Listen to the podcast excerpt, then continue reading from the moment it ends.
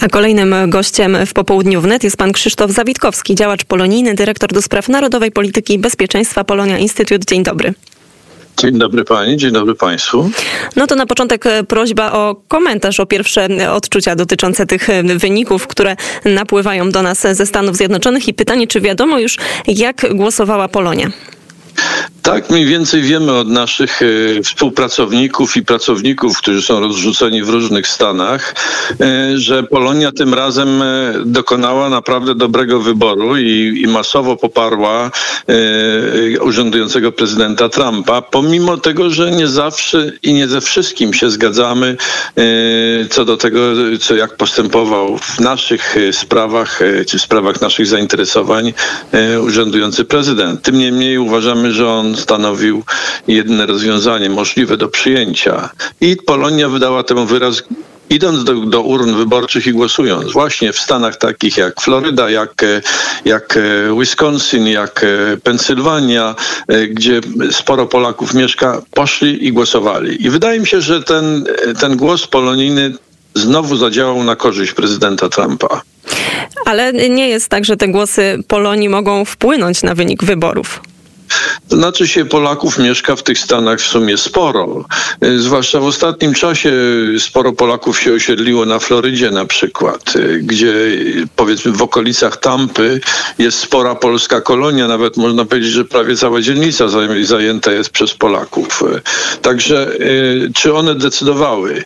No, jak tak się po, po trochu doda wszystkiego, no to można oczekiwać, że zadecydowały, tak jak zadecydowały w 16 roku bo, bo w 16 roku Polonia zdecydowanie poparła kandydaturę Trumpa. Dzięki niej wygrał. I prezydent Trump sobie zdaje z tego sprawę, co ciekawe. No dobrze, to teraz spróbujmy e, cofnąć się trzy lata wstecz, przypomnieć, jakie obietnice Donald Trump składał Polonii e, polskiej w Ameryce. No i, opowie- no i opowiedzmy, e, jak, jak jest oceniana ta prezydentura z tej perspektywy trzech lat.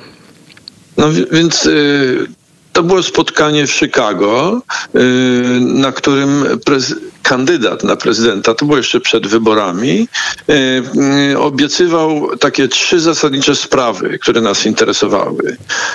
A mianowicie to było, obiecał, że pomoże w, w odzyskaniu wraku smoleńskiego, że postara się, żeby jego administracja pomogła w tej sprawie Polsce.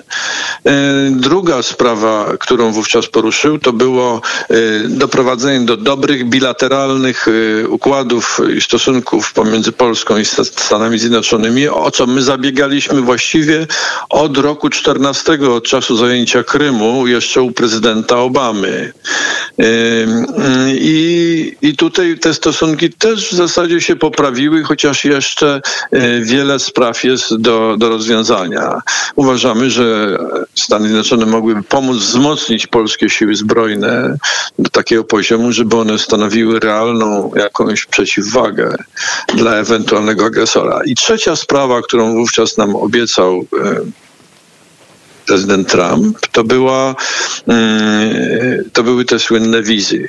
To jest, to jest sprawa akurat y, mniej taka istotna y, z punktu widzenia Polonii, która już na ogół tam jest legalnie i mało jest osób, które nielegalnie przebywają w Stanach Zjednoczonych, które przybyły z Polski. Ja, przepraszam, jeszcze czwarta rzecz, którą wtedy też obiecał nam, to było tak, on użył dokładnie określenia, że będzie wsłuchiwał się w nasze głosy. I'm going to hear heed your voices. Co znaczy to? No, znaczy to, że w jego otoczeniu będą ludzie, którzy będą przekazywali jemu tak w tych sprawach, jak myśli Polonia w różnych zagadnieniach wiążących się z, czy z Polonią samą, czy, e, czy ze stosunkami bilateralnymi Polska-Stany Zjednoczone.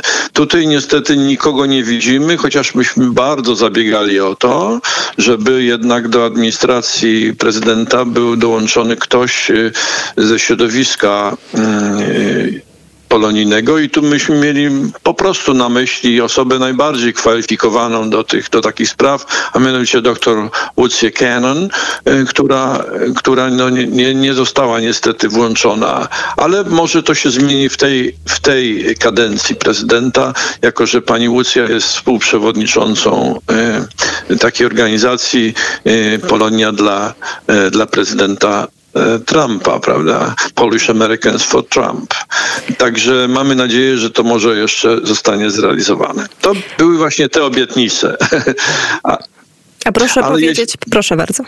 A jeszcze tylko dodam, że e, przed wyborami tymi, to było mniej więcej w lipcu, e, kiedy nasz instytut, który się poczuwa do tego, żeby być takim przywództwem intelektualnym polonijnym, e, gdzie gromadzi się szereg osób, które zajmują się różnymi zagadnieniami. W sumie to jest, wydaje mi się, dosyć silna grupa, która wyczuwa dobrze i analizuje sytuację wśród Polonii. Myśmy wysłali list do obydwu kandydatów, to znaczy się do e, prezydenta Trumpa i do mm, byłego wiceprezydenta Joe Bidena. 12 mm, pytań takich y, mm, dotyczących żywotnych według nas dla, zarówno dla, dla Polonii, jak i dla Polski. Niestety obaj kandydaci nam nie odpowiedzieli. Znaczy, szczerze mówiąc, nie spodziewaliśmy się, że urzędujący prezydent udzieli nam e, dokładnie odpowiedzi, ale z jego wypowiedzi na różnych wiecach, e, czy, czy w czasie debat telewizyjnych e, i, z, i z jego działalności odpowiedź niejako otrzymaliśmy. Natomiast mm, pan Biden y, zignorował kompletnie Polonię. Do tego jeszcze należy dołożyć oczywiście negatywne wypowiedzi pana Bidena, które, y, które bardzo spolaryzowały Polonię w stronę właśnie prezydenta Trumpa i doprowadziły nawet do, do tak krytycznej sytuacji, że zdecydowanie prodemokratyczny mm, y, Kongres Polonii Amerykańskiej w osobie prezesa Spuły zaprotestował pana Bidena y, i wystosował list do niego, w którym protestuje przeciwko y, wypowiedziom niekorzystnym i krzywdzącym Polskę i Polaków i żądającym przeprosin. No to tutaj uprzedził już pan moje pytanie, bo, bo chciałam dopytać tak? o to, jak, jak Polonia ocenia e, Joe Bidena jako polityka, jako być może nowego prezydenta Stanów Zjednoczonych, ale może takie pytanie, czy w ogóle była jakaś walka? Jeżeli była, to jak wyglądała walka o polonijne głosy podczas trwania kampanii? Mnie się wydaje, że nie było specjalnie silnej walki, chociaż e, prezydent e, Trump wielokrotnie podkreślał sprawy zasadnicze, takie, które interesują bardzo Polonię, jak na przykład projekt Międzymorza, którego jednak e, prezydent jest, jest, jest orędownikiem i, i, i obiecuje pomoc Stanów Zjednoczonych w tym zakresie. E, natomiast e, pan Biden nie był specjalnie zainteresowany sprawami polskimi i negatywnie oceniał Polskę i wszystko, co się w Polsce dzieje. No to już to jest zupełnie odrębny temat, który można by długo dyskutować, ale, ale chciałbym zaznaczyć, że, e, że to, jest, to jest zagadnienie, które e, jego negatywny stosunek do, do tych spraw związanych z Polską był bardzo źle odebrany przez Polonię. Naprawdę to, to, to, to kosztowało go głosy właśnie, właśnie w Pensylwanii, gdzie, gdzie wiemy, że, że on przegrywa w, teraz przy liczeniu głosów, e, chociaż jeszcze nie są ostatecznie policzone, ale przegrywa jak na razie.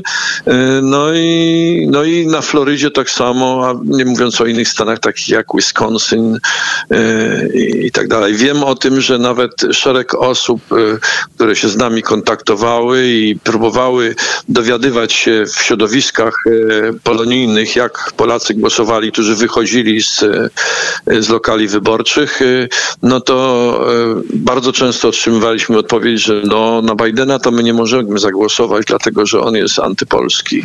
No właśnie, to na zakończenie ostatnie pytanie. Jeżeli przyjmiemy scenariusz, że na fotelu prezydenckim zasiądzie jednak Joe Biden, jaka będzie taka największa zmiana e, dla Polonii? No, na, dla Polonii zmiana to, to będzie może pozornie niewielka, poza tym, że, że nie wyobrażam sobie, że, że ktoś z Polaków będzie w najbliższym otoczeniu. Powiedzmy, jeśli Biden zostanie wybrany, prawda, prezydenta Bidena. Natomiast mi się wydaje, że, y, że Polonię nadal będą interesować y, stosunki bilateralne polsko-amerykańskie. One zasadniczym zmianom y, nie, nie powinny ulec z wyjątkiem, z wyjątkiem y, polityki bezpieczeństwa energetycznego, który może Polskę bardzo kosztować dużo, dlatego że y, pewne rzeczy, które zapowiadał już y, kandydat Biden, no to one byłyby w Polsce, miałyby, miałyby reperkusje daleko, daleko idące, jak na przykład zaprzestanie wydobywania środków gazowych w Stanach Zjednoczonych i, i sprzedawania tego do, do Polski na przykład, prawda, co uzależniło Polskę ponownie od, od, od zakupów gazu w Rosji i na Bliskim Wschodzie. No i mm, jeśli chodzi o ten przyjazny stosunek, taki, który widać e, przy każdym spotkaniu e, prezydenta Trumpa z prezydentem Dudą, e, no nie wiem, jak on by wyglądał najważniejsza sprawa to jest jednak taka, że, że, mm, że mimo wszystko y, pan Biden poza pewnymi deklaracjami, które składał e, w różnych sprawach, no to wydaje się być osobą jednak mimo wszystko dosyć enigmatyczną. To znaczy się e, nie wiemy właściwie, jakie jego stanowisko. Jest biurokratą, który sobie siedział tam w Senacie ileś lat, tak twierdzi, był największym przyjacielem e, Izraela w, w Senacie. Będzie polegał na na, na pewno na, e, na wysiłkach e, czynionych przez wiceprezydent Harris, jeżeli, jeżeli ona zosta, jeżeli oni, ta para zostanie wybrana. I kto wie, może nawet e, się okazać, że, że nie wytrzyma całej kadencji i wówczas przekaże całą władzę swojej następczyni. No, a tutaj możemy oczekiwać najróżniejszych rzeczy zwią związanych z obronnością Polski, z obecnością wojsk w Europie ta para jest przeciwna dobrym stosunkom z NATO i, i głębokim udziałem e, wojsk amerykańskich i sił amerykańskich w ramach NATO. E, no a wiemy, że bez bez Ameryki NATO właściwie przestaje istnieć. Pojawiają się takie, e, takie komentarze, że Biden będzie kontynu kontynuował jakby tą politykę e, swojego dawnego szefa, czyli Baracka Obamy i że Biden odpowiadał e, właśnie za czasów ośmioletniej prezydentury. Wice, wiceprezydent miał wtedy najwięcej do powiedzenia, jeżeli chodzi o politykę zagraniczną. Tak, zgadza się i jego wypowiedzi z tego okresu są bardzo niepokojące i one powinny niepokoić y, y, zarówno Polaków, jak i Niemców, jak i nawet Francuzów, dlatego że on, on, y, Barack Obama po pierwsze, że nie lubił Unii Europejskiej, miał zły stosunek. Notabene Trump nie ma złego stosunku do, do Unii Europejskiej. On nie jest wrogiem Unii Europejskiej, on po prostu uważa, że wszyscy powinni się składać na wspólny wysiłek militarny uważa, że, e, że Niemcy tak samo powinny przeznaczać odpowiednio, odpowiednie sumy na, na wzmocnienie obronności e, NATO. Jeszcze jest jedna bardzo ważna rzecz, a mianowicie mm, w tej całej układance jeszcze jest e, Pentagon. I, i, i to tak naprawdę mm, oficerowie amerykańscy, którzy zdają sobie sprawę z tego, że, że obowiązek obrony interesów amerykańskich ostatecznie będzie wymagał od nich daniny krwi, być może. Więc oni patrzą na, na, na sytuację w Europie i interesy amerykańskie w Europie przez pryzmat możliwości obrony Europy. I w ich oczach Polska, Wielka Brytania i Izrael odgrywają zasadniczą, jak to mówią, obrotową rolę w sprawach y, bezpieczeństwa, y, polityki bezpieczeństwa w, w Europie w ogóle. No i też można tutaj przytoczyć jeszcze bardzo ważną wypowiedź minister obrony Niemiec, która w zeszłym tygodniu złożyła Waszyngtonowi ofertę nowego otwarcia we wzajemnych relacjach. Tam padły m.in. propozycje załagodzenia konfliktów handlowych i też obietnica zwiększenia nakładów na wojsko i odciążenia Stanów Zjednoczonych Zjednoczonych w Europie. No i to można powiedzieć, że w takim wymiarze geopolitycznym jest pewien przełom i taki krok ze strony Niemiec, który mówi o tym, żeby może te relacje trochę przetasować i wyjść z, z inną propozycją do Stanów Zjednoczonych. No tak. Y, oczywiście w, tym, w, tej, w tej układance wojskowej musimy też zdawać sobie sprawy, że obecność amerykańska w Niemczech i, i fakt, że to Amerykanie dowodzą y, siłami zbrojnymi niemieckimi, Bundeswehrą, yy, oni stanowią yy, sztab generalny. Niemcy nie posiadają sztabu generalnego i to, jest, to wszystko jest wynikiem yy, układów zakończenia II wojny światowej. To będzie trwało do, do roku 2045. Także wyjście Amerykanów z Niemiec y, nie jest możliwe przed rokiem 45. I Amerykanie zdają sobie z tego sprawę również. Y, natomiast y, planują długofalowo i dlatego ich zainteresowanie przerzucenia głównej koncentracji sił na, na Polskę. Bo zdają sobie sprawę z tego, że ich interesy w Europie mogą być zagrożone tylko i wyłącznie przez Federację Rosyjską. Co do tego nie ma najmniejszych wątpliwości. Polska na tym może wygrać. Oczywiście, jeśli do roku 2045 osiągnie stan gotowości takiej, że będzie w stanie przynajmniej wytrzymać ten, to pierwsze ewentualne mówię to wszystko oczywiście perspektywicznie, uderzenie mm, Federacji Rosyjskiej, która się zbroi w tej chwili na potęgę. Także to są, to są te aspekty układance, które są bardzo istotne. Jak zachowa się e, prezydent Biden e, w stosunku do tego, co robił i robić może prezydent Trump, no to już odpowiedź jest oczywiście prostsza, bo znamy ich wypowiedzi. Tak jak pani powiedziała, bardzo niepokojące wypowiedzi pana Bidena z czasów, kiedy był wiceprezydentem i miał duży wpływ na politykę zagraniczną, bo Obama się w zasadzie nie interesował on, on, on ulegał wpływom Bidena i albo nawiązywał dobre stosunki z Rosją, znaczy takie przyjazne, nazywał ich friends, prawda? Ale jak się zraził do nich po, po inwazji na Krym i Ukrainę, to nazywał na przykład taki wywiad jest słynny Obamy w, w takim tygodniku e, Atlantyk, gdzie on mówi wprost, e, nazywa e, Putina thug, czyli rzezimieszkiem.